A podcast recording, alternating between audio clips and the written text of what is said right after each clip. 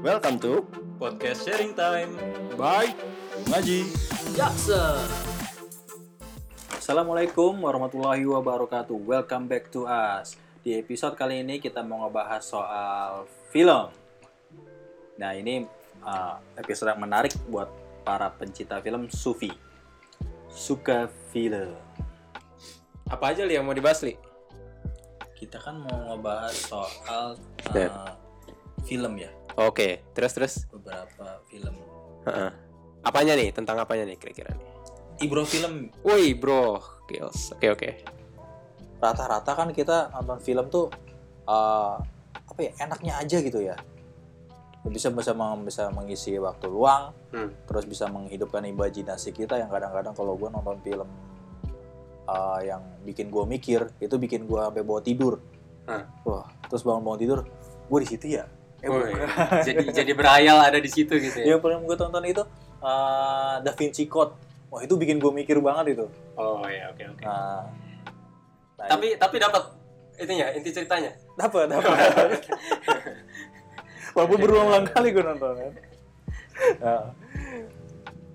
selain asik apalagi ya kalau nonton film itu ya Ya kalau eh, ada sih memang message-message yang itu bisa diambil hikmahnya juga misalnya kayak kayak di film Dark Knight Rises itu yang ketiga Batman yang ketiga tuh yang ka- karyanya Nolan ya tapi ya, itu yang Christopher lawan Ben ya? Bane ya. Nah, itu di situ kan si Batman itu kan sempat kalah gitu ya? Iya. terus habis itu ditawan di penjara bawah tanah tuh. Iya. kayak kayak sumur gitu. Hmm. yang kemudian kalau harus kalau mau keluar itu harus manjat dan lompatin satu lompatan yang agak jauh gitu. Dan itu yang pernah berhasil cuma ada satu orang katanya gitu. Oh yang di dalam Ya. sumur itu ya? Nah, nah itu ada satu poin yang gue dapat sih.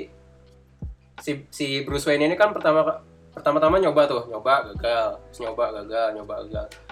Itu ternyata pas dikasih tahu kenapa yang pernah nyoba itu bisa berhasil itu ternyata dia nggak pakai tali pengaman kenapa nggak pakai kenapa nggak pakai tali pengaman bisa ber- malah ber- bisa berhasil karena ketika dia nggak pakai tali pengaman itu dia punya rasa takut iya heeh. Oke. Nah rasa takut inilah yang akhirnya menggerakkan dia buat maks- semaksimal mungkin untuk melompat itu. Nah kalau poin yang bisa gue dapat adalah memang yang namanya rasa takut itu fitrah yang harus kita miliki sih. Karena kalau misalnya rasa takut ini kita nggak punya, ya kita akan berbuat semena-mena aja. Contohnya, Oh. ya kalau misalnya kita muslim, kita tentu harusnya takut dong sama uh, azab neraka, azab Hmm. kubur, ya kan. Hmm. Yang kalau misalnya itu nggak kita takutin, kita nganggapnya biasa aja, ya makanya jadinya kayak sekarang mungkin teman-teman kita banyak di luar sana masih masih pacaran ya misalnya ya, Heeh. atau misalnya masih yang perempuan atau laki-laki juga masih membuka auratnya ketika keluar rumah gitu kan. iya merasa biasa aja Iya ngerasa biasa aja karena nggak ada rasa takut yang itu eh, bisa memicu dia untuk menjadi taat. Begitupun sama kayak yang di film itu juga. Akhirnya ketika di akhir di endingnya itu si Bruce Wayne kan nggak pakai tali pengaman dan di situlah rasa takutnya muncul untuk untuk mati untuk kalah. Baru di situ dia berhasil. Kayak gitu.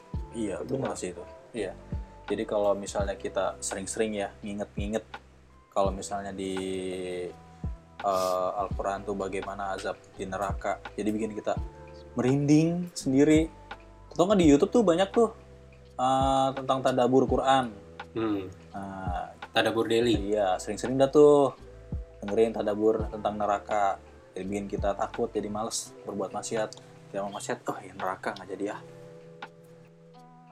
Nah itu dari dari satu film yang ada poin yang bisa kita dapat rasa takut itu. Nah terus ada juga sih eh, film lain juga itu karyanya si Christopher Nolan itu juga. Kalau lu pernah nonton itu judulnya Inception. oh Inception Ya.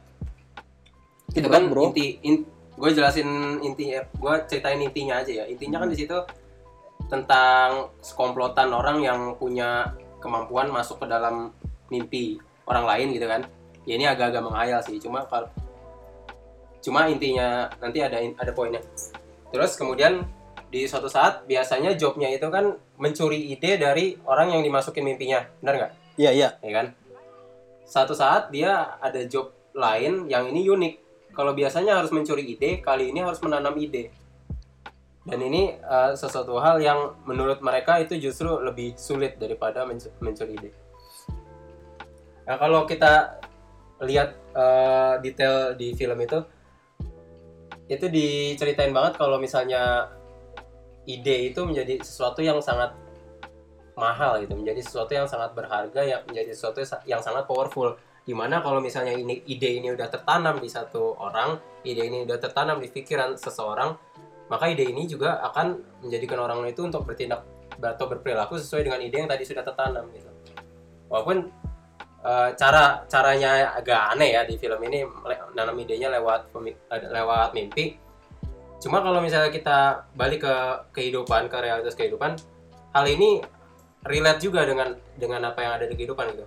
Contoh misalnya ada kita kayak yang tadi contohnya orang masih pacaran atau masih membuka aurat hmm. itu kan problem utamanya karena nggak ada ide Islam atau ide atau uh, pemikiran untuk menutup aurat yang ada di pikiran dia nggak ada itu Nggak ada. ya kan Mm-mm. makanya dia ya bebas-bebas aja Iya, merasa sama aja baju yang penting Meras- uh-uh. yang penting ketutup Yang Di penting ketutup, bagian yang penting sopan gitu. vital gitu.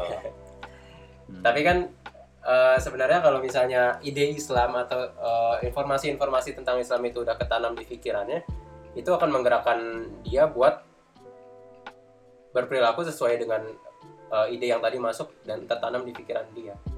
Nah, itu sih itu poin-poin penting yang ini orang mereka-mereka aja itu sadar kalau sebenarnya yang paling penting untuk di untuk merubah orang itu adalah di Ide. penanaman ide itu, penanaman pemikiran itu. Hmm. Dan itu sebenarnya bisa kita lakukan bukan dengan cara masuk-masuk ke mimpi kayak mereka ya, tapi dengan cara dakwah, dengan cara memberitahu, dengan cara eh, menasehati atau mengajak yang itu akan kemudian pemikiran-pemikiran itu kan lama-lama akan menancap di dalam pikiran orang lain dan menjadi perilakunya dia dan menjadi habitsnya dia juga. Iya ya. Kalau dia bisa eh, masuk untuk menanamkan ide aja harus masuk ke dalam mimpi, berarti kita kalau mau nada mau menanamkan ide kita tentang Islam ke orang lain, berarti patutnya kita berteman dengan baik dulu ke orang lain, bersikap baik dulu, ya kan seperti itu kan? Ya. Kalau kita misalnya kita sebujuk-ujuk, eh lu pacaran lu, dosa lu, Haram, haram. Wah, haram. Nah, pasti dia nggak akan terima Hmm. gitu. Ya itulah eh, sebenarnya kalau itu masuknya ke bagian ya bagaimana kita seninya berdakwah ya. Cuma Iya, intinya berdakwah. intinya ya dakwah ini menjadi suatu hal yang penting juga karena di situlah kita bisa menanam ide-ide Islam kepada Iya. orang lain Tuh. yang itu bisa menjadi tindak tanduknya dia di kemudian hari perilakunya dia dan habitsnya dia di kemudian hari. Iya. Banyak film yang kita tonton dan dari banyak juga di situ kita tarik ibrohnya baik-baik dan buruknya balik lagi ke kitanya mau nggak kita merubah diri untuk menjadi diri yang lebih baik? Eh, bukan hanya menjadi diri yang itu itu aja gitu. Sekian dari kami untuk episode kali ini. Kalau misalnya teman-teman ada ada masukan boleh DM ke IG kami di @yungajijasel atau di email di ynjaksel@gmail.com Assalamualaikum warahmatullahi wabarakatuh.